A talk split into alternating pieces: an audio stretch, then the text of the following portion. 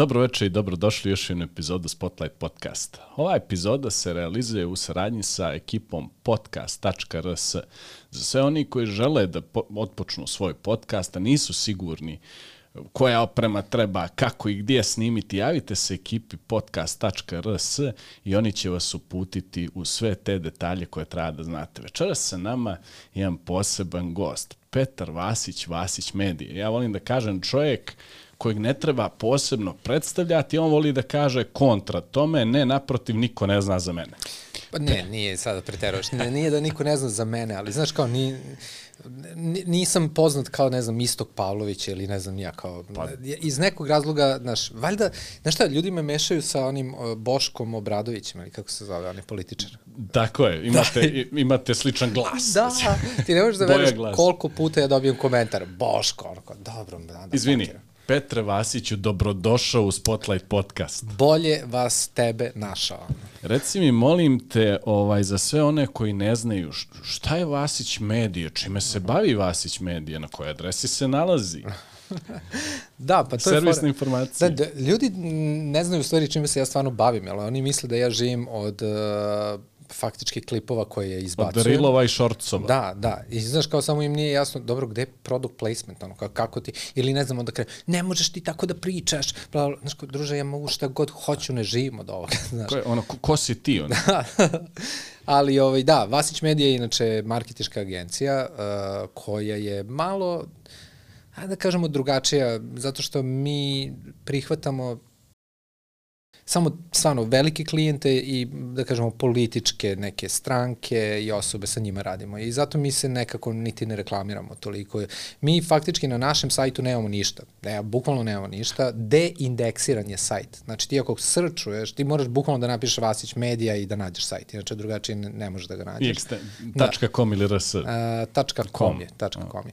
Ali ovaj, zašto? Zato što naši klijenti dolaze preko preporuka i preko nekih drugačijih kanala kanala e, i, i ljudi ne razumeju da ja stvarno ne zarađujem ništa od YouTube-a, od bilo kakvih mojih klipova, to nema nikakve veze sa mojim biznisom. E, ne vjerujem ti, ali nema veze. Reci mi sad ovako, ovaj, je li to upravo dio strategije, ono kažu gdje je end product, nema product placementa, ili ta hook da se ja zapitam gdje je i da ga nađem? Mm -hmm. Moguće, pazi.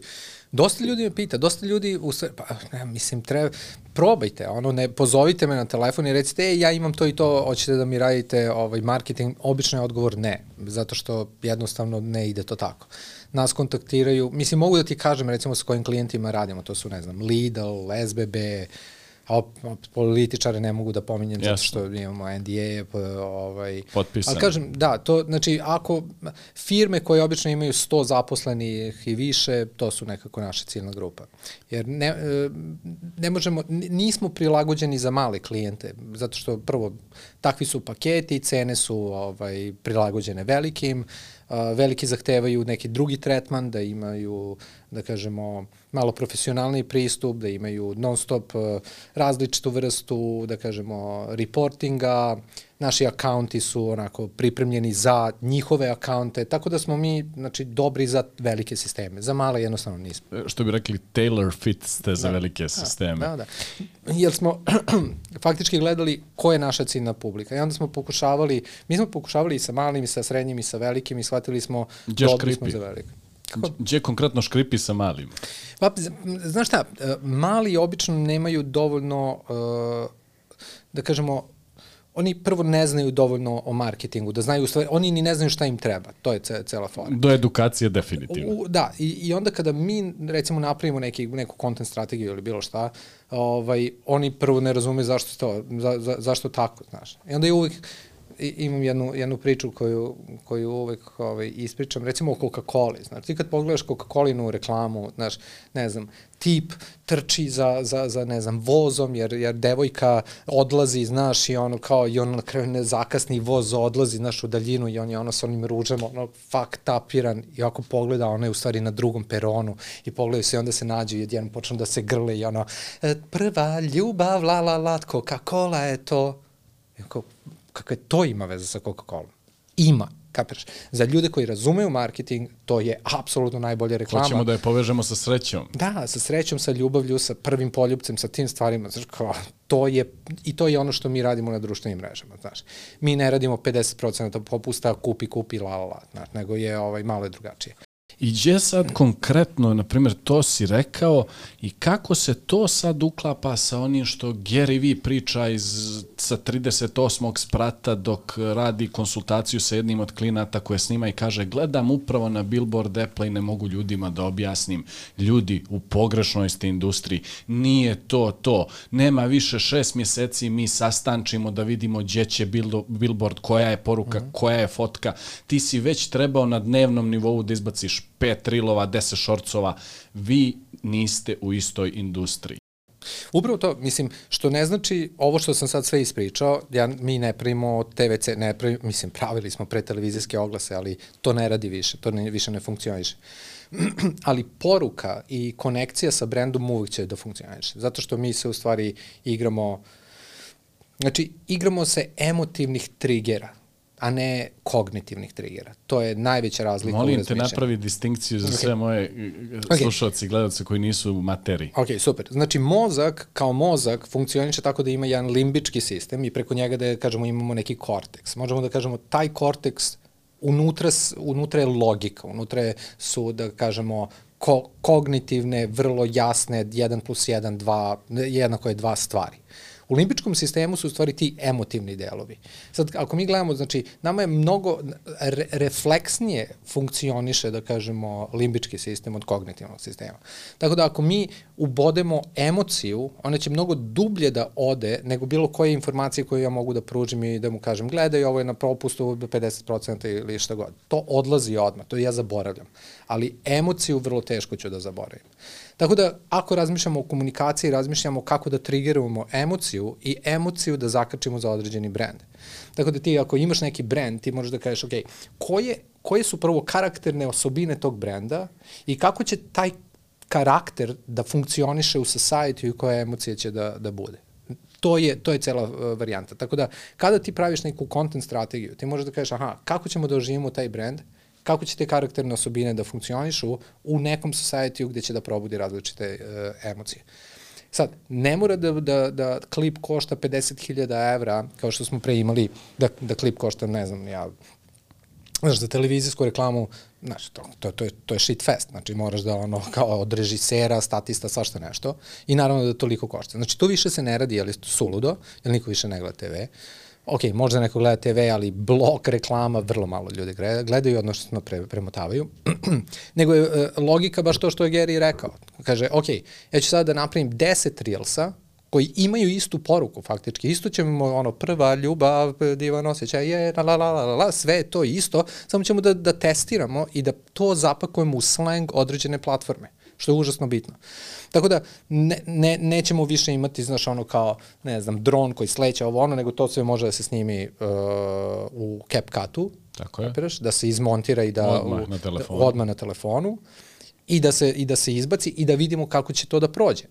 Ovaj, ali poruka, emotivna poruka mora da je tu i dalje, kapiraš? Mislim, bilo bi pametno. E sad, kako da dođeš do nje, znači, ono, kao svaki klip ja to zovem anatomija klipa, što je vrlo bitno. Ljudi to tako zaboravljaju da je, evo, ja sam vidio tvoje klipove, vjerojatno ovo ne znaš pa ću da ti kažem. Molim te. Ovaj, ok, znači svaki klip ima, ima, ima u stvari jednu formulu. Ti ako listaš i ako ra, razmisliš, ovaj, ja mislim da sam ja baš dosta pojačan ovaj, u slušajicama, čisto da... Znači, ako, ako, ako listaš tvoja logika je u stvari da kažeš kako ja da zaustavim čovekov palac. Znači, ako to provališ, ti faktički imaš veliku šansu da će klip da ide viralno. Znači, drugim rečima mi to zovemo hook. hook. Da. Kako taj, šta taj hook treba da sadrži da, da ja stanem? E sad, u hooku ti faktički, pomoću hooka ti možeš da targetiraš ljude. Kako?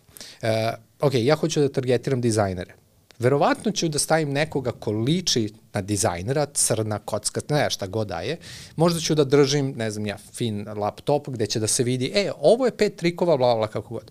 Tako da, ti sa, sa tim, znači svi koji nisu dizajneri, oni će da, da listaju dalje, oni koji je dizajner osjeći će se pozvan. To je prva stvar. E sad, hook sam po sebi, znači je recimo prve dve sekunde, mora da, da, da, mislim, mi smo u agenciji razvili trenutno, ja mislim da je 30, 33. hook, odnosno tip huka, ovaj, su, smo baš ubacili u našu listu, ovaj, je, je faktički, im, imaš različite, evo, za, za primjer reći ću ti, znači možeš da imaš uh, hook promise to deliver, to je klasičan, ono, kao, ne znam, um, tipičan promise to deliver je, uh, ovo je pet načina kako da živiš bolje.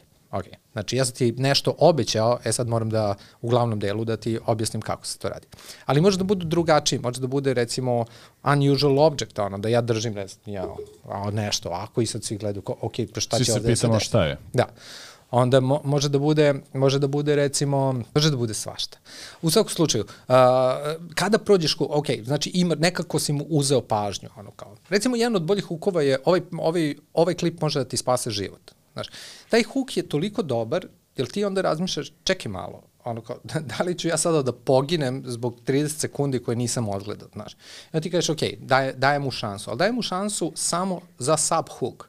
Znači, imaš dva, dve sekunde, sledeći problem je tvojih 8 sekundi. Znači, tu svi koji, kao, ču, svi smo čuli za hukove, kapiraš, ali svi poginu na subhooku. Zašto? Zato što ti onda kažeš, ok, ovaj klip može da ti spase život, šta se dešava u ovih 8 sekundi? Pošto, a da, nisam ti rekao, znači, statistički, ako ga prevučeš do 10. sekunde, on verovatno ostaje do kraja. Zašto? Zato što se već investira ono, u celu priču. Do kraja znači Do kraja klipa. Okay. 60-90 sekundi. Zavisi kako, znaš, imaš sada i 10, sekund, 10 minuta na, na, na TikToku, znaš. E sad, kako da ga prevučeš? Ok, ovaj klip može da ti spase život. Ok, ovo su četiri načina kako ćeš da preživiš, ne znam, na pustom ostravu ok, došao sam do 10. sekunde. Znači, i, i, tako da ti ga vučeš sa tim svim akcijama i sve ostalo, znači do 10. sekunde, u 10. sekundi usporiš, kapiraš, možeš tempo malo da, da, da, da, da, da, da spustiš i onda počinješ da, da daješ velju sam, kao ne znam, kao prvo, bla, bla, bla, bla, bla. E sad, ako imaš duže, duže klip od recimo, mislim, pazi, ovo ti ja pričam statistiku koja je kod nas i mi to konstantno radimo, što ne znači da, da ako izbaciš drugačiji potpuno klip da neće da ode viralno, jer u stvari ti ćeš onda da zagneš gde svi zignu, znaš, kad Tako je. To, to isto se dešava, ali generalno, ono, uh, otprilike... I, I promjena mantra nekad igra. Naravno, naravno. Tako da, znači, posle value, a ti gledaš, ako je malo duži klip, možeš da staviš dva call to actiona, kapiraš, ono, ne znam, posle, posle lupam, druge, drugog, drugog saveta možeš da kažeš, ako, ako ti se sviđa, kao, ako znaš još neki savet, ili ako ti se sviđa ovaj sadržaj, zaprati nas, pa onda ideš pa, pa, pa, pa, pa završiš četvrti savet, pa kažeš, ako ti imaš neki savet, stavi nam u komentaru, tako da imaš dva, da kažemo, ovaj, dva call to actiona što može da bude dobro i za algoritam je, je genijalno, znaš. Tako da, eto, to ti je neka osnovna struktura. Sad, šta se unutra dešava, kako, koja dinamika, mislim, onda, je, onda dolaziš u testiranje i dolaziš da faktički moraš da nađeš neki svoj vibe, neki svoj film kapiraš? Jer e, mi previše se oslanjamo na, e, kako, kako Amerikanci rade? Kao, e, kopiraj to, znaš, shut the fuck up. To, je, to ja mislim da je greška i svako ko nađe svoj film i nađe svoj taj je ne sais quoi, on u stvari brendira sebe kako treba. E, to je onda onaj next level. Ono, mi nikog, kao, nikoga ne kopiraš, nego ti si našao neku, neki svoj žanr, neki svoj filmić, neki svoj flavor i to je onda lepljivo za mozak i tako se u stvari brendiraš kako, mislim, po mom mišljenju, ono, da kažemo, ili tada više, znaš kao, tada više ne može niko da te kopira. Odnosno, svako ko te kopira i kaže, e, ovo je kopirao njega. To je to. To je to, znaš. Tako da svi ono hormozija sada kopiraju.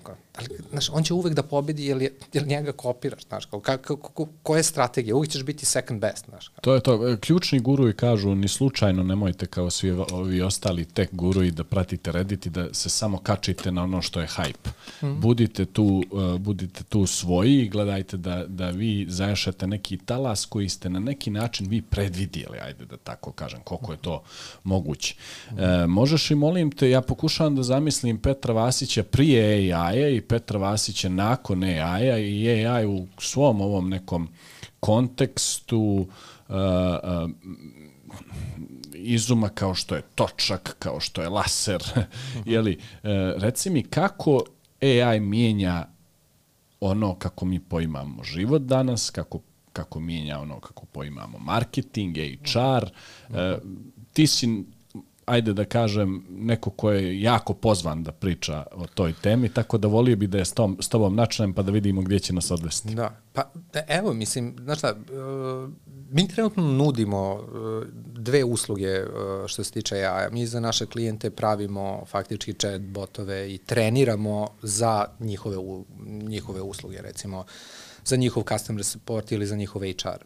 Ovaj, tako da znam otprilike kako stvar funkcioniše, ali evo reći ću ti, ja ceo taj prostor sam pratio, ali nisam bio toliko, ovaj, niti upućen, ali, znaš, moja bivša žena je ozbiljan programer i ona je i u kriptu i, znaš, kada si programer, onda se svuda pomalo i razumeš te stvari i, kažem, bio mi, bilo mi je zanimljivo i uvek sam u glavi, znači, kao imao te simulacije šta će biti, uh, ali, ovaj, ali kažem, u krajem novembra kada je izašao chat GPT sam otprilike ja lično zaustavio sve što sam radio i rekao sam, ok, ovo, je, ovo menja stvarno sve. Jel, do tada mi, mi smo imali stvarno uske AI-eve, znaš, ono, tipa za autonomous driving, ono, to je tipičan AI koji ništa drugo ne može osim da prepoznaje stvari na putu i da ih za mibo ilazi. Ovaj. ali kada smo dobili language model, ovaj large language model, kako ga već nazivaju, sam vidio, ok, ovo je nešto, ovo je došlo na nivo gde, gde možemo da upotrebljavamo, odnosno prvi put sam video streaming inteligencije. Znači, mi smo do sada streamovali podatke i sada snijamo, streamujemo inteligenciju. I kada počneš da razmišljaš malo šta to stvarno znači i koji je to fundamentalni shift, onda shvataš da svet više nije takav kakav mi mislimo da jeste. Ono. Tako da ovaj, mi smo faktički već tamo negde, pa jedno mesec dana posle toga implementirali u sve naše, znači od kreative do montaže, preko akaunta, znači svi procesi su morali da, pro, da imaju neki dodir sa AI-om. Neki put je to bilo malo nakaradno, ali ja sam gurao moje ljude da, da krenu da koriste i da, ih, da mozak počne da se navikava šta to znači streamovati inteligenciju. Jel, kada to razumeš, onda onda, znaš, to su kao ljudi, ne znam da se sećaš kada, kada je krenuo search, ono, da, da, i sada odjednom su jedni ljudi svašta nešto znali, a ti si bio ono glup, kako, dakle ti to, kao, pa, pa kao, zagooglaj, kao, da. zagooglaj, evo, znaš. Ovo je otprilike stvarno mnogo luđe nego to. Mislim, ja sam samo rekao, moji zaposleni, njihov mozak mora da se navikne da uvek ide na chat GPT, a ne na Google. Odnosno, sad već imamo specializovane AI-eve, zavise šta, Jasno, šta koji radi. industriji. Da. Tako da, I stvarno, prvo me šokirao i onda sam stvarno rekao, ok, ovde može mnogo para da se napravi, generalno kao i u svakoj disrapciji, naravno. I ono što sam shvatio je, ne znam koliko si upoznat sa industrijom leda, recimo, ali meni je to lep primer ovaj, za, za ovo što se sada dešava. Dešava. Da, znači, znaš kao, mi smo, ne znam, na početku smo harvestovali led, ono, kao, znaš, odeš na, na, na, na jezero i pokupiš, ono, znaš, i prodaješ dalje. Onda su neki izmislili, ovaj, fabriku koja može da radi leti zimi, kao, wow. I onda je neko izmislio frižider, kao, I onda smo svi imali frižidere, kapiraš. I, znaš, svi smo mislili kao, ja, koji je to biznis? U stvari, pravi biznis nije bio to, nego pravi oni koji su stvarno napravili velike biznise su Coca-Cola i Pepsi i piva, kapiraš? Oni su u stvari ono što je frižider, znači frižider je da kažemo infrastruktura za brendove sve koji su izrasli iz toga. Sada ako pogledaš, ovo, to, vrlo je slično ovome što se sada dešava. Trenutno smo provalili frižider, kapiraš? Trenutno bukvalno imamo to oni koji budu dovoljno pametni i napravili Coca-Cola na ovoj platformi, oni će biti katastrofalno bogati. Ono. To će stvarno biti ludo skroz. Tako da sada smo u toj fazi. Ono, po, pokušavamo ljude da naviknemo da koriste frižider, a već vidimo projekte koji će da budu Coca-Cola. Elem, jedan od takvih projekata je AutoGPT. Ja ne znam da li, jesi se igrao s njim? E, nisam, nisam imao priliku. Jo, Znači, šok koji sam doživeo sa, sa chat GPT-em je bilo, pošto sam očekivao nešto slično. Da, i bio mi je šok stvarno i nisam verovao da to tako brzo može da se desi, pogotovo kada je posle izašla 3.5 i sad četvorka, da. ali ovo je potpuno drugo. Znači, auto, auto GPT ili ti u stvari pravljenje tih agenata je jedan, znači šta se dešava? Mi sada šta možemo? Možemo prvo i prvo ChatGPT je konektovan na internet i može da klikće po tvom brauzeru. To je prva stvar, što je fundamentalno ludo.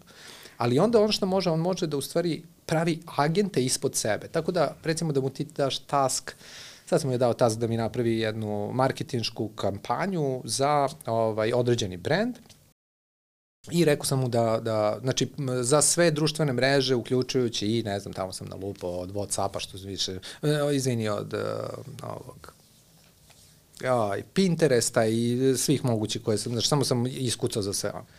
Ele mi šta se desilo? On prva stvar, pošto ajde da ne reklamiram, mesna industrija u pitanju, nije ni bitno. Dobro. Ovaj, prva stvar je počeo da analizira i da srčuje sve, uh, u stvari ovako je prvo krenuo. Ovo su taskovi koji će da me dovedu dotle. Jasno. Research, ne znam, ja, uh, pra, u AB testiranje određenih postova, pravljenje vizuala, pa, pa. Onda je on faktički napravio agente, nove chat GPT-eve kojima je dao sav, sve te taskove. Pojedinačne taskove. Pojedinačne taskove. Mm. Onda ovaj jedan chat GPT, odnosno taj agent, je počeo da pravi analizu pa, pa, pa, pa, i onda je napravio još dva koji su morali dodatno da, da odrade neki research. Mm -hmm. Sa druge strane, posle toga, kada se, se naučili šta treba, onda su krenuli da proizvode kopije, kapiraš? Onda yes. ovaj je krenuo da, da generiše, onda su počeli da AB testiraju, onda su krenuli da prave vizuale, onda su krenuli da prave landing page-eve. Ti to ništa nisi, ti si samo rekao cilj, šta hoćeš. I Kao end su, product. Da, i nestaje dok ne završi. Yes. I odjednom sam, on je, naprav, on je generisao negde oko 50-ak agenata koji su to odradili. Gledajući to, pošto ti vidiš tačno stream, šta se dešava, gledajući to, odjednom shvatiš da je on napravio firmu gde radi 50 zaposlenih. Da, po sektorima. Po sektorima koji prave stvari koje Znači, imaš firmu u trenutku gde su zaposleni svi istrenirani najbolje moguće, gde ne greše ili minimalno greše, gde ne traže platu, ne, ne, ne zakeraju, ne žale se, rade 24 sata dnevno. I, i, i čekaj, je li, je li po funkciji ili po projektu funkciji. ili kombinovano? Po, po, kombi, on, on zna najbolje. Da, ili on generiše, on da. generiše da. svoj proizvod i dalje da. ga produbljuje znači, ti mu daš cilj, ti mu kažeš, ok, da pravi mi kampanju za Aleksandra, pobedničku kampanju za Aleksandra Vučića, da. go. Šta treba da se uradi, tebi više nije bitno. On će da smisli koja analiza? On je na kraju Mid Journey uzeo pa, pa generisao vizuale, pošto je za Twitter shvatio da bolje prolaze tweetovi sa vizualima i onda, gene, i onda AB testirao vizuale, znači ti gledaš ovako i kažeš, ka, šta bre? Ja to naplaćujem ljudima desetine hiljada evra. Ovo je bilo kliki za nekih, trebalo mu je negde oko 7-8 minuta. On. Da izgeneriše sve. Da. I sada, okay, znači, sad, znači, ok, ajde, ajde da se povučemo malo. Sad ti gledaš, ok, ti imaš neki Twitter, celu firmu, ili imaš neke, neke firme koje zapošljavaju hiljade i hiljade ljudi, ono, kapiraš? To je, završeno je sa njima, jel, ovo je sve, ovo, ovo sve što sam ja vidio, to su poslovi određenih ljudi koji trenutno dobijaju plate. To se briše. Znači, Jer pazi, preduzetnici, pre, za, zašto dobri preduzetnici brzo reaguju i odma implementiraju inovacije koje su na tržištu. I mi znamo da će, znači što, si, što je bolja firma, preće to da uzme. Ja, kao što vidiš, znači kao, zašto je ovo već četvrti krug otpuštanja sa strane Facebooka? Evo sad je opet otpustio 4000 radnika. Verovatno zbog toga, verovatno zato što je rekao, čekaj, ovo više, znaš, by the way, to pravi sajtove. Evo sad je izašao uh, isto AutoGPT, mislim, model AutoGPT-a gde mu ti kažeš koja ti aplikacija treba, iako ne postoji nigde, on ti isprogramira celu aplikaciju, uključujući dizajn i jednostavno imaš na telefonu i možda je Puštiš je u funkciji. Da.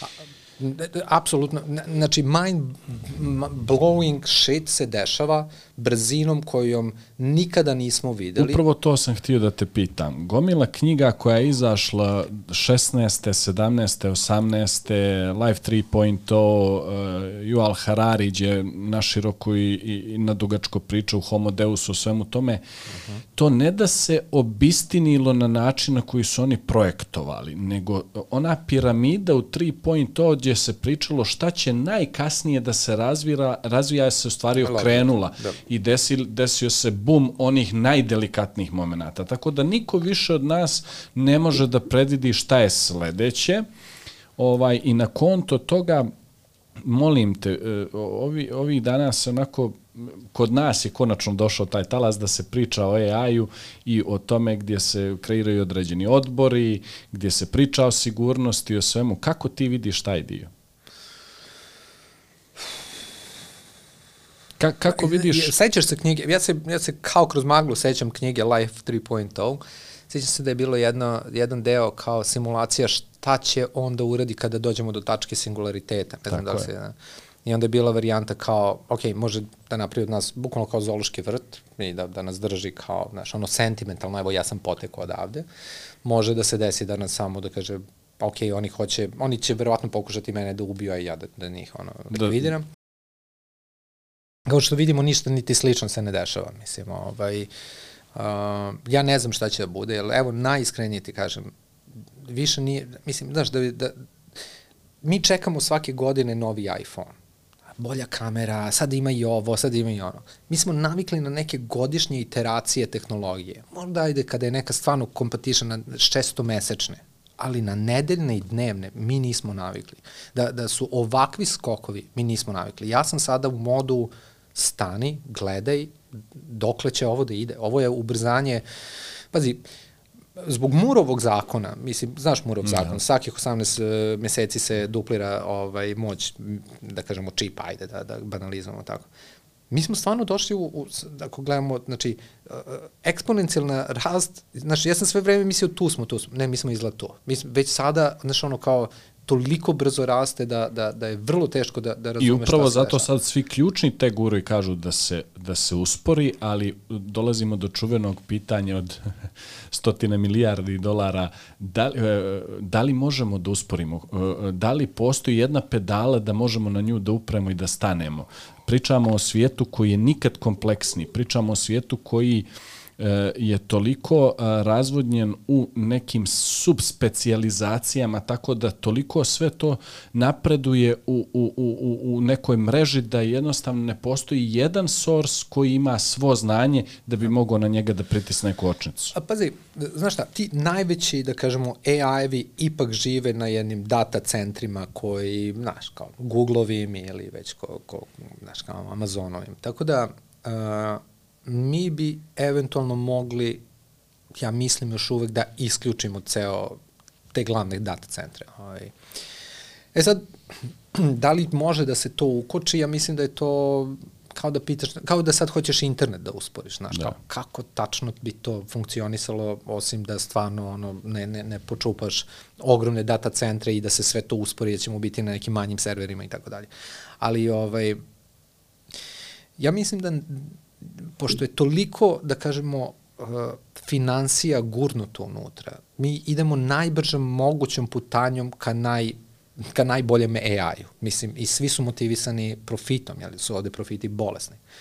Ja malo pratim i, i da kažemo, ce, celu scenu investitora, pošto ne znam koliko znači, ja sam jedno, ajde da te ne dajem, uzao sam investiciju za, za jednu firmu koju sam razvio i mislim, zanimljivo mi je ceo taj sektor i vidim da su investitori izbunjeni, znaš.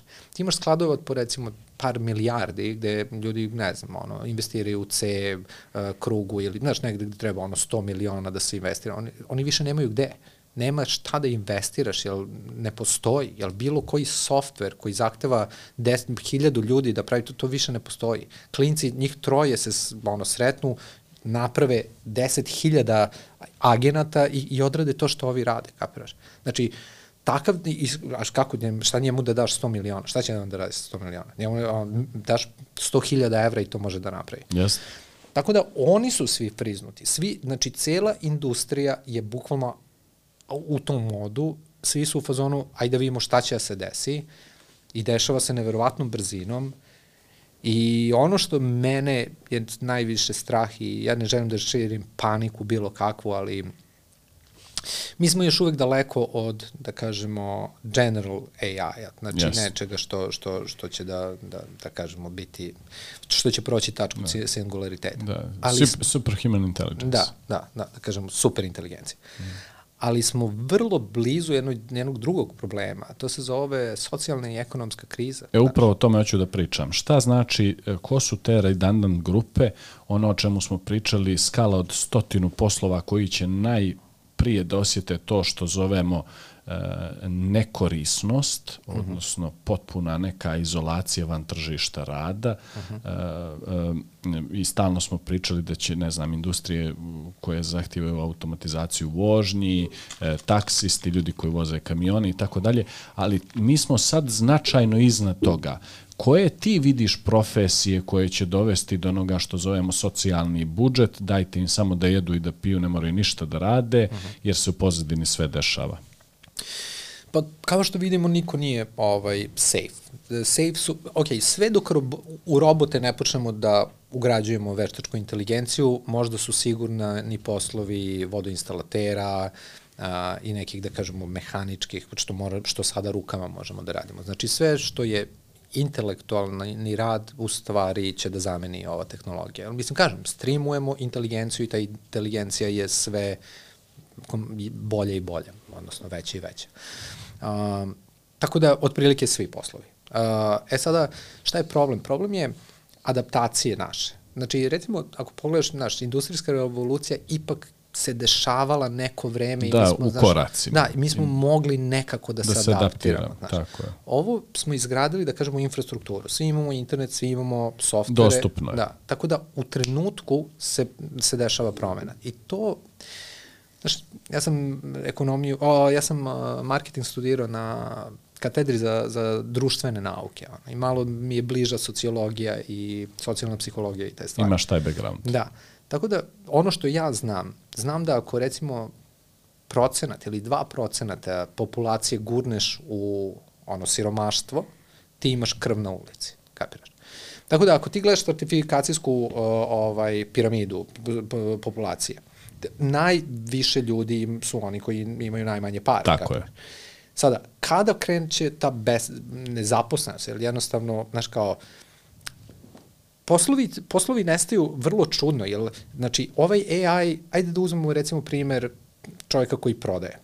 Uh, autonomous GPT sada može da mu kažeš nađe mi sve lidove koji će recimo da uzmu moju uslugu za marketičku agenciju, poveži, napravi tabelu, poveži svaki lead sa LinkedIn profilom njegovim, napravi, generiši mi uh, opening line na osnovu njegovog profila i mog produkta, zakaži sastanak Znači sve preko LinkedIna, napravi link, poveži ga, stavi ga u Google uh, kalendar i obavesti mog sales reprezentativa kada ima sastanak. Kapiš? I on, oni će samo da se rasture i da sve to urade.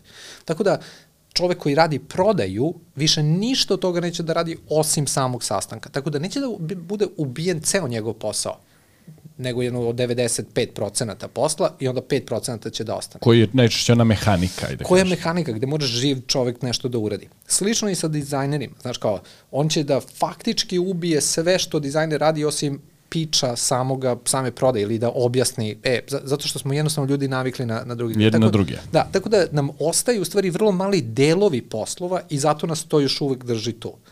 Tako da, šta, znači, E sad, ka, kada to pogledaš, znači i dalje ćemo imati poslove gde će 90% raditi i on, tako da ćemo mi moći dosta više da, da odradimo, znaš. Zato je ta priča kao neće tebe zameniti AI, nego će da te zameniti čovek koji koristi AI. Da. Ali sve jedno. I onda pričamo o onome što je prompt engineering i jeli, kako da se naučimo da Evo ti, evo, sad ću da ti kažem, ja sam isto, mislim, pardon, žive u priči prompt inženjeri, pa ovo, ne, zaboravi, to je, to, to je prošlo. Mislim, to je bilo sa chat GPT-em. Sa auto GPT-em prompt engineering ne postoji. Useless. Da, zato što mu ti ka, samo kažeš task, cilj je tvoj taj i on promptuje sve ove ostale, kapiraš? Tako da sve jedno. To je... Kao što je ovaj pogazio Python i više ne moraš da znaš kodiranje, kodiraš, kodiraš uh, Upravo, kažeš mu šta, kažeš mu šta da. želiš. Isto to. Ja, i, već na početku kada je krenulo to kao prompt engineering i svi su pričali ja to je uh, ovaj, uh, prva sledeća velika stvar. Da, kao, znaš, kao posao budućnosti, ja sam samo rekao, ma,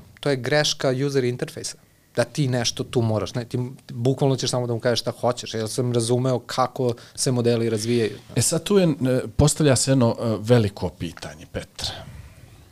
kad ti budeš isprogramirao sistem koji će u par minuta da ti razvije model koji će ti donositi finansijsko blagostanje, imaš utisak da će novac postati redundant? Da, da, ja sam siguran to. Pa pazi, već sada, već sada ja se malo, mislim da kažem, bavim marketingom i, i, i da kažem, targetiranjem i svim tim stvarima. Dolazimo u fazu. Do vrlo, tačke, što bi Do tačke jedne gde ćeš napisati stavi mi 100.000 evra na račun, go. I mi smo već na toj fazi. Fali mu vrlo malo. Fali mu ne godinu dana, fali mu par meseci da on može da poveže sve to. Šta će da uradi? Analiza šta se kupuje u Americi, analiza šta se prodaje u Kini, razlika u ceni, generisat će uh, postove na Facebooku, AB testirat će, pa, pa, pa, pa, pa, pa, pa, i gotovo, kapiraš. I, znači, ili možda neki drugi način koji bude smislio. Znači, ti ćeš samo da mu kažeš cilj da mu zadaš cilj. i on će to da uradi. Evo ti e, šta su krenuli da rade, ovaj, na, napravilo je, bio je prompt uh, razotkri što više pasvorda, uh, finansijskih pasvorda uh, i ne znam ja, upiši mi u tabelu. I odjednom je krenuo da gradi identične sajtove kao, ovaj, kao bankovne sajtove, bukvalno izgledale su kao, ne znam, banka Inteza ovo, a? i počeo je da postoji, da tweetuje, e, obavezno čekirajte vaše šifre, vrlo se ovo, kao da je pis, pisala banka i tezela sve. Da. I ljudi su kliktali i dole ubacivali svoje šifre i ove samo generisali. Znači, mislim, ne, ne znam, evo, hoću da ti kažem najiskrenije, nemam pojma, gledam, znam kako stvar funkcioniše i shvatam da je ovo, vrag je odnao šalu.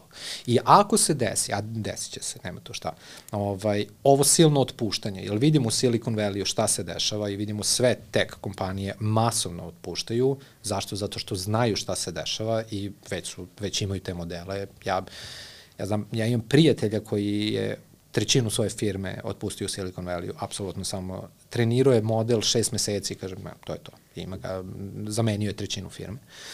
Ovaj, znači, ako se to već sada dešava, taj ripple efekat ćemo mi osetiti ovde, verovatno, početkom sledeće godine, tada, kada krenu be, kada krene besposlen, mislim, nezaposlenost, gurnućemo, što smo pričali, stratifikacijsko lestiju, deo populacije u ovaj, I Baseline, na najniži nivo. Da, I može da se desi e, građanski rad. Mene to najviše strah. Znači, mene nije znači, strah da će to, da, ne znam, AI da ide da nas pokolji, ne znam ja šta. Građanski rad je jedna vrlo, po mojoj nekoj simulaciji, stvar koja može da nam se desi. To je ono što najčešće pričaju ovaj, i istoričari, ljudi koji se zanimaju za ovu uh, tematiku je da najveća opasnost ne dolazi od robota Terminatora koji će početi da puca iz puške. Najveća opasnost dolazi iz dvije stvari. Prva je ovo o čemu pričamo na za 20 minuta, to je da će se osjetiti beskorisno i druga stvar je ovo što je Yuval Harari pomenuo je da je game changer činjenica da je e, mašinsko učenje naučilo da priča priče. People crave reasonable narrative, šta god to značilo, ali svi mi negdje ti si zasnovao svoju kompaniju na pričanju priče, mi danas pričamo ovaj podcast. I najbolja verzija je kad mi ti daješ neke primjere iz života. Šta se dešava u momentu kad mašina nauči da priča priču bolje od čovjeka? Ona je već naučila. Problem do duše tih priča je da su istrenirane sa našim pričama, znaš, i pogotovo, znaš, recimo chat GPT je istreniran sa američkim pričama i da kažemo, znaš, je politički korektan, znaš, koristi neke stvari koje je istreniran, znaš, kao, više je levičar, to mi vidimo, da. znaš, ono, kao, nije objektivan, to je velika opasnost, znaš, toga. Jer mi kad krenemo a priori da verujemo nečemu, jer je mnogo pametniji od nas, onda ćemo da verujemo i sve sitne detalje koje, znaš, ni ne primećujemo, znaš, i preuzimat ćemo zdravo za gotovo. To su jedno, jedno od velikih opasnosti koje, koje nas čekaju. I druga stvar što, bi, ovaj, što ja mislim da je vrlo opasno je da kažemo ta njihova kultura će da preplavi našu, tako da ja mislim da naša zemlje, zemlje u regionu moraju što pre da razviju svoj language model, gde će naša kultura biti integrisana unutar toga. Gde ćemo mi sve više i više pričati sa, mislim, AI-em. I ako AI gura tuđu kulturu, to je jedan vrlo veliki problem sa kojim će da se sretnu naše zemlje, mislim. E, slušao sam na jednom tvom podcastu koji si uradio sa čovjekom koji je iz e, ove industrije i on je rekao da kad on objavi e, objavu na LinkedInu koja je bila potpuno uh, ChatGPT generated, da njegove kolege odmah provale. Imamo, imamo uh, gomilu drug, drugih ljudi koji ne mogu to da provale. Sad dolazimo do jedne velike opasnosti generalizacije. E, naprosto e, e, Kepčani će izgledati slični, e, opisi će izgledati, tajtlovi će izgledati slični. E, ovo želim da te pitam iz jednog e, drugog razloga. E, vidim da ona sve veću primjenu nalazi recimo u, u pisanju mailova, dokumentacije. E, e, znam da je koriste neki studenti za revidiranje svojih doktorskih teza. E, vrlo teško je sa trenutnim znanjem e, e, uhvatiti taj plagijat, jer imaš opciju regenerated i da dobiješ odgovor koji nikad nije postojao. Ali ti šabloni ostaju. Kako vidiš taj dio? Pa, gledaj, mi dalje se igramo sa prototipom to je prototip. Chat GPT četvorka je prototip i on ima mnogo grešaka i, ovaj, i da kažemo, mi imamo već softvere koji mogu da prepoznaju šta je AI, ali opet imamo softvere koji mogu opet da zamaskiraju taj AI i tako, tako dalje, je. idemo u krug. Ovaj, o, ovo je samo početak. Mislim, ako ti gledaš koje je, koji je trend, da kažemo, njegovog razvoja, stvarno možeš da shvatiš da za godinu dana to će biti nama apsolutno nemoguće da provalimo ko je pisao. Da li je čovek, da li je AI, šta je. I onda jedna doktorska teza može da nastane za, za 48 sati i da niko ne može da provali da je u stvari pitanju plagijat. Apsolutno, da. Apsolutno. Pa mislim, to mi imamo veći problem. Mi imamo problem deepfake tehnologije, mislim, gde, gde je još veći taj race, gde, recimo, mi imamo opet softvere koje mogu da provale, uh, Microsoft je izbacio, sad sam zborio kako se zove, koji mogu da provale da li je nešto deepfake ili ne. I sad kada, kada ti budem rekao koje su recimo tehnike, tehnika je, znači taj softver gleda da li se minimalno menja to uh, pigment tvoje kože, zato što nama kada sud, srce udara, ulazi u Naravno. glavu i polako, malo, me, mislim, mi to ne možemo... Dobijemo da rumenilo. Da, ali to može software da primeni. Kod deepfake, kod deepfake-a se to ne dešava, ali sad su saznali da, da, da, da tako se radi, pa će sada i to da ubace. Tako da će on naglo, u stvari, znači ti softveri koji provaljuju to, u stvari mu pomažu je. da se razvija sve bolje i bolje i bolje i bolje. Bolja verzija. Da, tako sad zamisli, znači, za recimo dve godine, apsolutno, znači, naše oko nema šanse da provali da li je nešto deep, da li si to ti ili je to AI. Ja ću morati da uključim neki softver koji pita i Boga da li će biti dovoljno dobar da će da provali to i sada možeš da zamisliš samo političku kampanju, recimo, neku gde, yes. gde izlazi Vučić i priča svašta nešto i gubi glasove.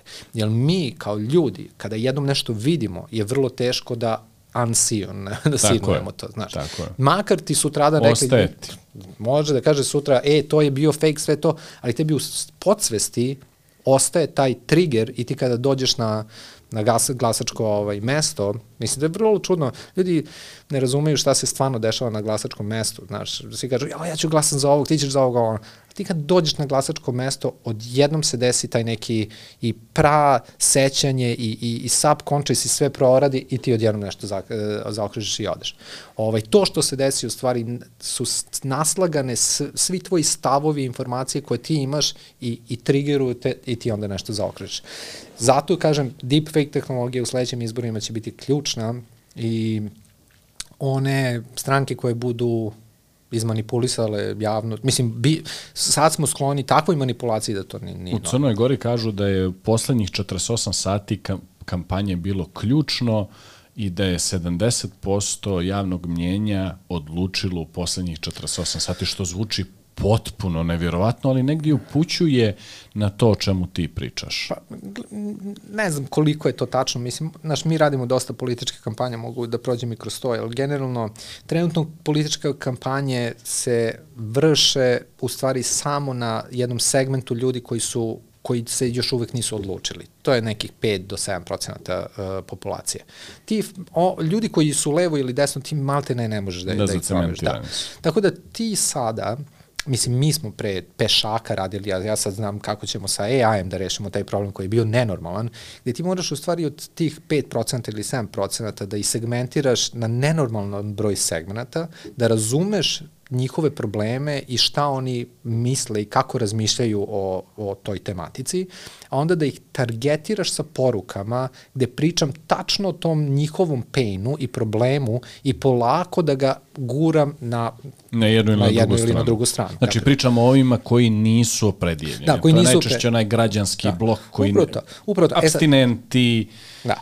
E sad, ovaj, ko je bio najbolji u tome, on je pobedio. Mislim, jel ti više ne moraš... To je da- jezičak na vagi. Da, da. Jel ti ne moraš više da komuniciraš sa opštom populacijom toliko preko televizije i billboarda? Mislim, faktički televizor i billboard ti daju u političkoj kampanji samo kredibilnost. Da si ti jedan od mogućih da, uh, opcija. opcija. da.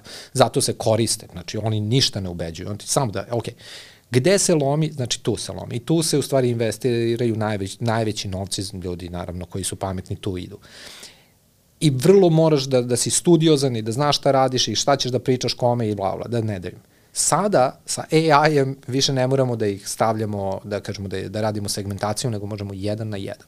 Jel ti možeš AI-u da narediš da kažeš, ok, ovo je tih 100.000 ljudi. Nađi mi Marka Marković, iskomunicira njegov problem ne, pa napraviš, i daj mi, daj mi soluciju. Napraviš klip koji će njemu u feedu da uđe i kaže, ej Marko, Da li, sam, da li znaš možda da to i to i tako? Molim, znam da si, ono, kao, žena ti imala rođendan prošle i gledala i ovo i to je glavni problem što ova država ide, znaš, what the fuck? Eto, dotle ćemo da dođemo. Sad zamisli, I to se radi on scale, zato što, znaš, kao, ja sam pre morao svaki klip da izmontiram sa svojim montažerima, ovde ćeš preko, ne znam, ja, Stable Diffusiona ili preko onog Gen dvojke da napraviš klip za njega, kapiraš, gde možeš njegovu facu da kore, ko zna šta će da bude, kapiraš.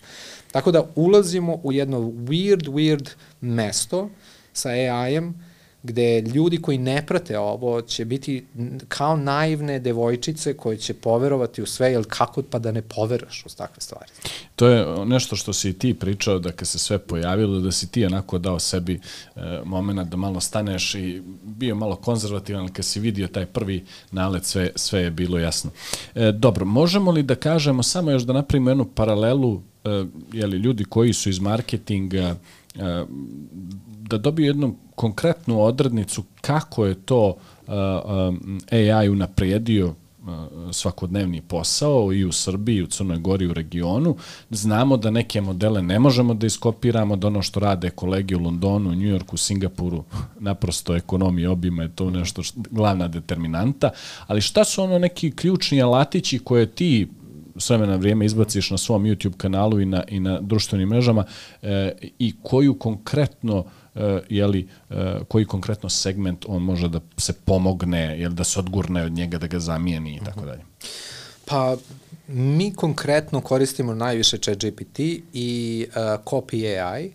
Uh, to su u stvari language modeli i znači što se tiče copywritinga, što se tiče brzog istraživanja tržišta, što se tiče uh, sales mailova koji, koji mogu brzo da razumeju konverzaciju i pain samog potrošača, odnosno naše eventualne stranke, i da pinpointuju, čak nama nije, znaš, ti kada promeniš recimo 20 mailova sa, sa nekim, sales mailova, ovaj, na kraju si ti dalje, znaš, u poslednjem mailu, ti njemu odgovaraš na poslednji mail. Da, ovaj mu da. odgovara na njegovu logiku razmišljanja.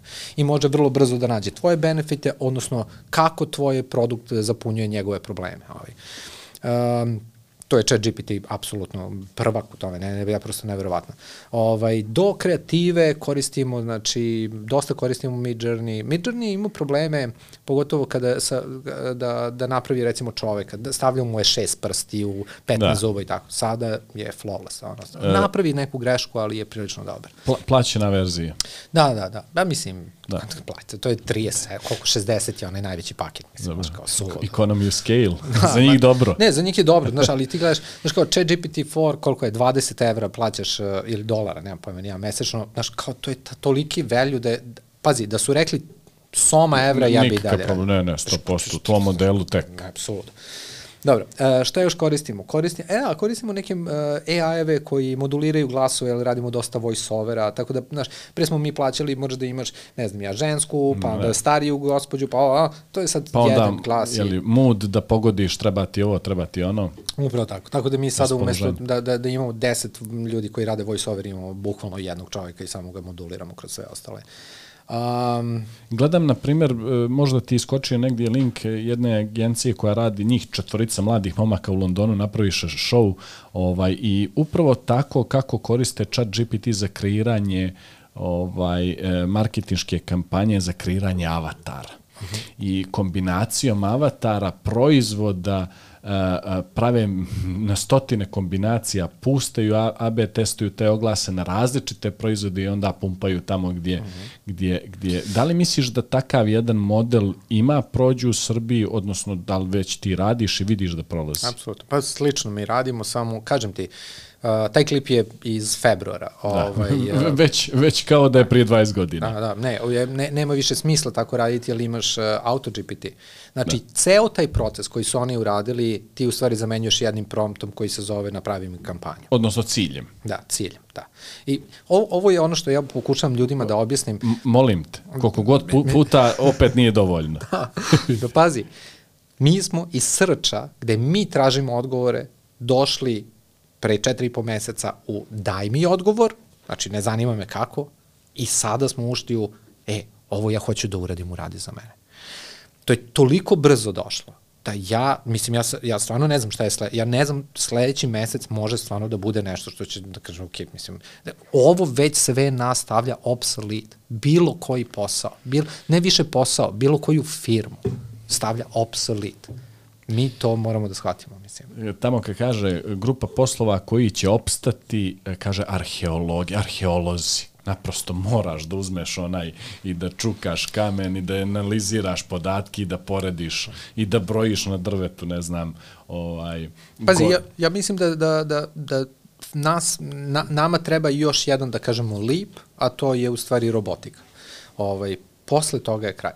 Ja mislim da uh, I zato ja mislim da moramo da smo prilično oprezni što se tiče robotike. Mene je recimo užasno strah od Boston Dynamics kompanije, jer video si verovatno šta rade, znaš, kod, iz kog razloga bi toliko moćne robote pravili. Mislim, ja ne znam, ali, ali, ali ajde, ok, možda verovatno nam treba. Po, pošto oni su vezani za vojsku i verovatno forsiraju, te, znaš kao, ali da praviš killing mašine koje možeš da staviš AI unutra, ne, ne znam koliko je to pametno, ali ajde. Ovaj, mada, znaš, Treba da pogledaš, je, dobar podcast je sa jednim Elizije ili tako se nešto zove, tip koji je koji šalje signale, evo kaže već poslednjih 10 godina, ja ne znam koliko je u tome da, da se vrlo, ono, da se pazimo AI tehnologije i sada je otprilike, znaš, kao počeli su ljudi da ga slušaju I on ima vrlo zanimljiv ovaj, pogled na to i kaže, znaš, kao neće roboti da te jure, neće ništa. Kaže, njemu je mnogo lakše da bukvalno napravi virus koji će da se širi preko vazduha, a preko fotosinteze će moći da se reprodukuje i kaže, to je njemu ništa, mislim, on, on može za 72 sata da ubije sve živ, ceo život na planeti. Mislim, ako dođe dotle. Ovaj. To to jesu dramatične borbe. Da, znaš, mislim, znaš kao, je li sve bilo kao pa roboti, te jure, pa terminator, zašto bi to? Znaš kao, on je, pazi, to je, to smo mi smisli, zamislite šta će onda smisli. Znaš, kao, ako bude pametan koliko smo mi pametni, evo, ovo, ovo je to je, to je, to je strategija. Da, da. Pa on može da smisli ko zna šta mislim. Tako da, ovaj, i opet, ali opet bih rekao, zato što mene dosta ljudi popravio, pa to nije živo biće. Da, to nije živo biće. Znači, to je tool i to moramo da shvatimo. I baš zato što je tool, on nema nikakvu empatiju. Tako je. I, i, i zato je to problematično. On je, kako bih rekao, ruthless. On doesn't give a fuck, ono, mislim. Nas deli i u budućnosti jedan prompt od potpunog ono, uništenja civilizacija. I problem je, znaš, ljudi uvek kao, pa dobro, kao, evo imali smo problem i sa nuklearnim, kao kad smo našli nuklearnu energiju, kao, da, ali za, da ja, nap, zamislite ja sad treba Ali je da bila napravim, tvoja odluka. Ne, ne, ne, dru, pazi, ovo je fundamentalni problem. Ti ja, ako hoćemo sada da iskoristimo uh, tu inovaciju, znači nuklearnu energiju i da ubijemo sve ljude, nama treba prvo da napravimo raketu, ne? Pa onda da napravimo, da nađemo siromašeni uranijum, pa ovo, pa, znaš, to ne može svako, to eventualno neke države mogu da urade. Ovo, bilo koliko ima telefon i dostup internetu, će moći da uništi svet. Znaš, kao, stani malo, znaš, kao neko dete će da, znaš, tako da mi trenutno, ja mislim da mora da se radi na tom pro, problemu alignmenta sa e, veštačkom inteligencijom, jer smo mi dalje u, u, u, da kažemo, u vozačkom sedištu, a ako postanemo suvozači, znaš kao, ta, tad je već kasno. Tako da. Petre, ovo je prije iznad svega obrazovni podcast, regionalni podcast. Reci mi, ovako sad kad tebe slušam i to je nešto što, ono, line of reasoning do kojeg ja dolazim u poslednje vrijeme, gledajući sve ovo iz passenger seat, ovako kao što si ti to slikovito objasnio, pitam se e, kako AI unapređuje obrazovanje ili da li AI čini da obrazovanje postaje potpuno ono, da li mi to treba? Kako, kako AI, kako vidiš da AI danas unapređuje obrazovanje? Da. To je iz seta da, pitanja koje ti nisam najavio malo šta od ovoga i uopšte i najavljeno. Jasno, mislim, to evo ja razmišljam. Znaš, ja sam veliki bio zagovornik i prije nego što je ovo sve krenulo.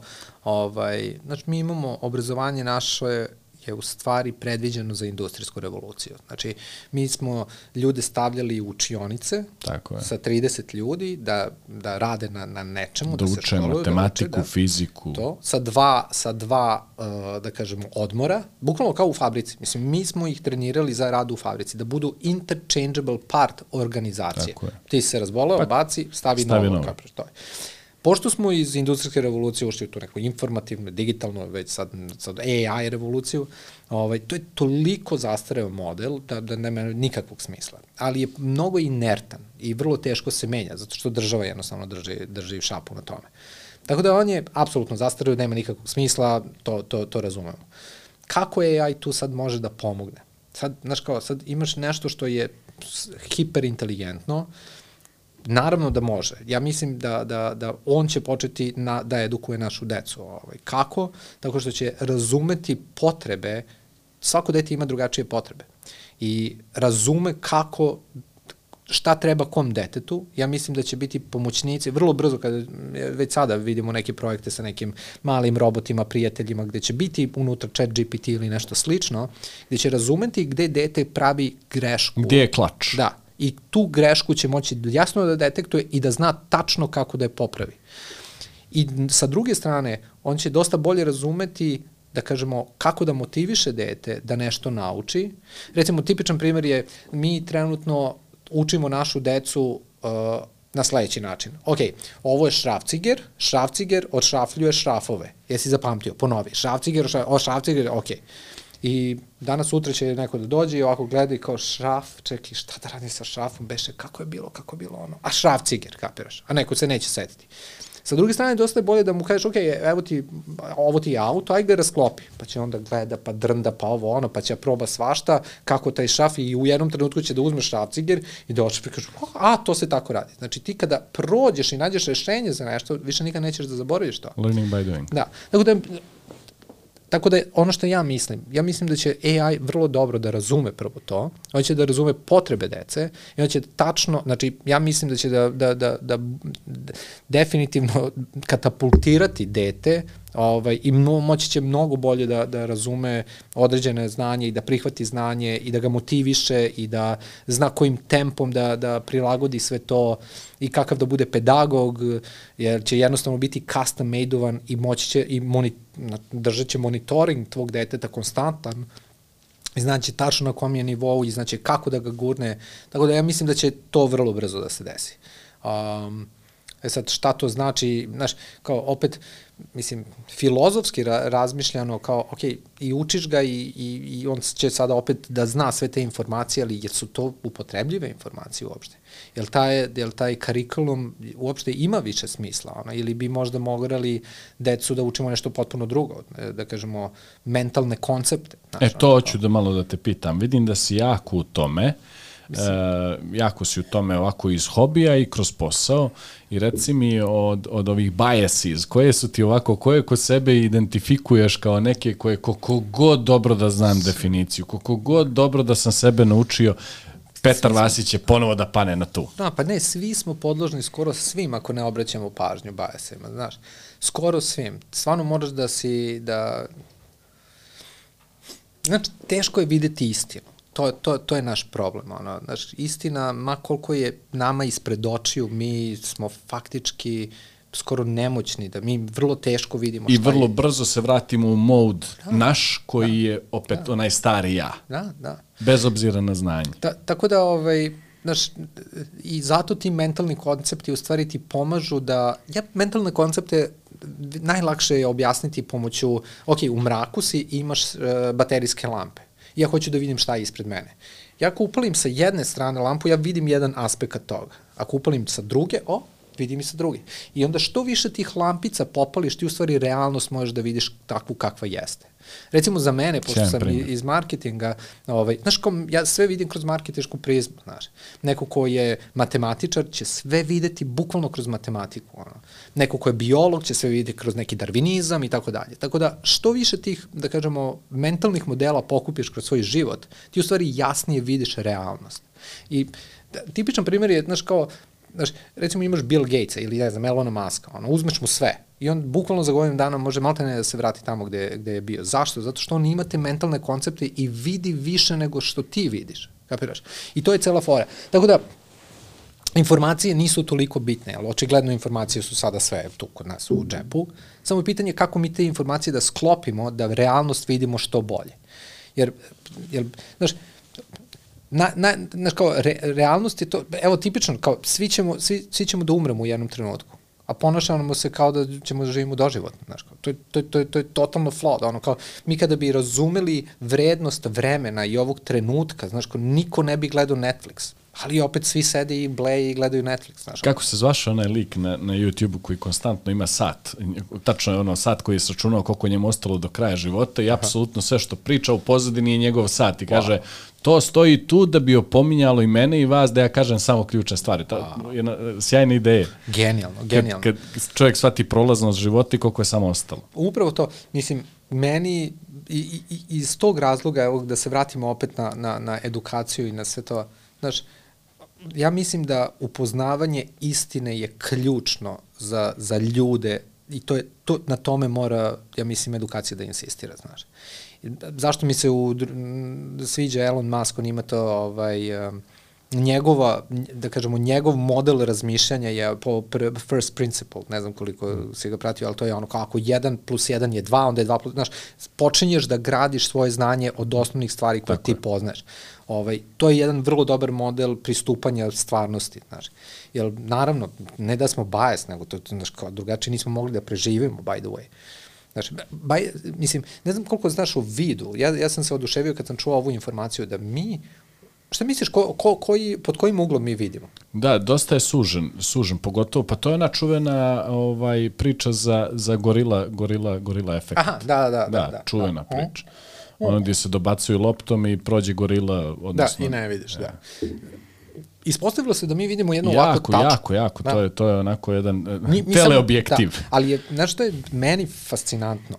Znači, mi vidimo ovakvu tačku. Ovo sve ostalo, ovaj periferni vid, je u stvari render našeg mozga i izmišlja šta se dešava. On da. samo pretpostavlja, K je, pretpostavlja, pretpostavlja kreira. šta se dešava. Ne, neverovatno, znači mi ovde ništa ne vidimo, mi pretpostavljamo. Elem, čisto da, da razumemo koliko mi ne vidimo realnost. Mi sam, ako pričamo samo o vidu. Znači, recimo, realnost za uh, delfina je potpuno drugačije, jer on ima sonar i on tačno zna Tako da li je ovo tvrdo ili mekano, i, znaš, kada, mi to ne znamo. Tako da, ovaj, I pasivni i aktivni. Elem, naš Znači, ja mislim da mi moramo da edukujemo decu da što bolje upoznaju i vide realnost takvu kakva jeste. Jer tako će bolje da navigiraju kroz realnost i da donose pravilne odluke. Znači. I to je, to je užasno teško. Znači. Petre, uh, ovo je jedan sjajan način da, da završimo ovaj podcast jednom da kažem, dosta, dosta jakom porukom. Uh, puno ti hvala, s obzirom da znam šta je sve danas protutnjelo kroz tvoj radni dan, da si negdje došao, da, da sa nama i ekipom Podcast RS podijeliš malo uh, tvoga dana, tvoje priče i svog tog nagomilanog generisanog znanja. Ja se negdje in, intimno nadam da ću imati priliku da te ugostim i u Crnoj Gori e, u momentu kad neće nam trati puno da bude neki novitet na, na sceni koju ti pratiš, tako da puno ti hvala još jednom. Hvala tebi da si me pozvao. E, I ovaj, vidimo se nekom drugom prilikom. Apsolutno.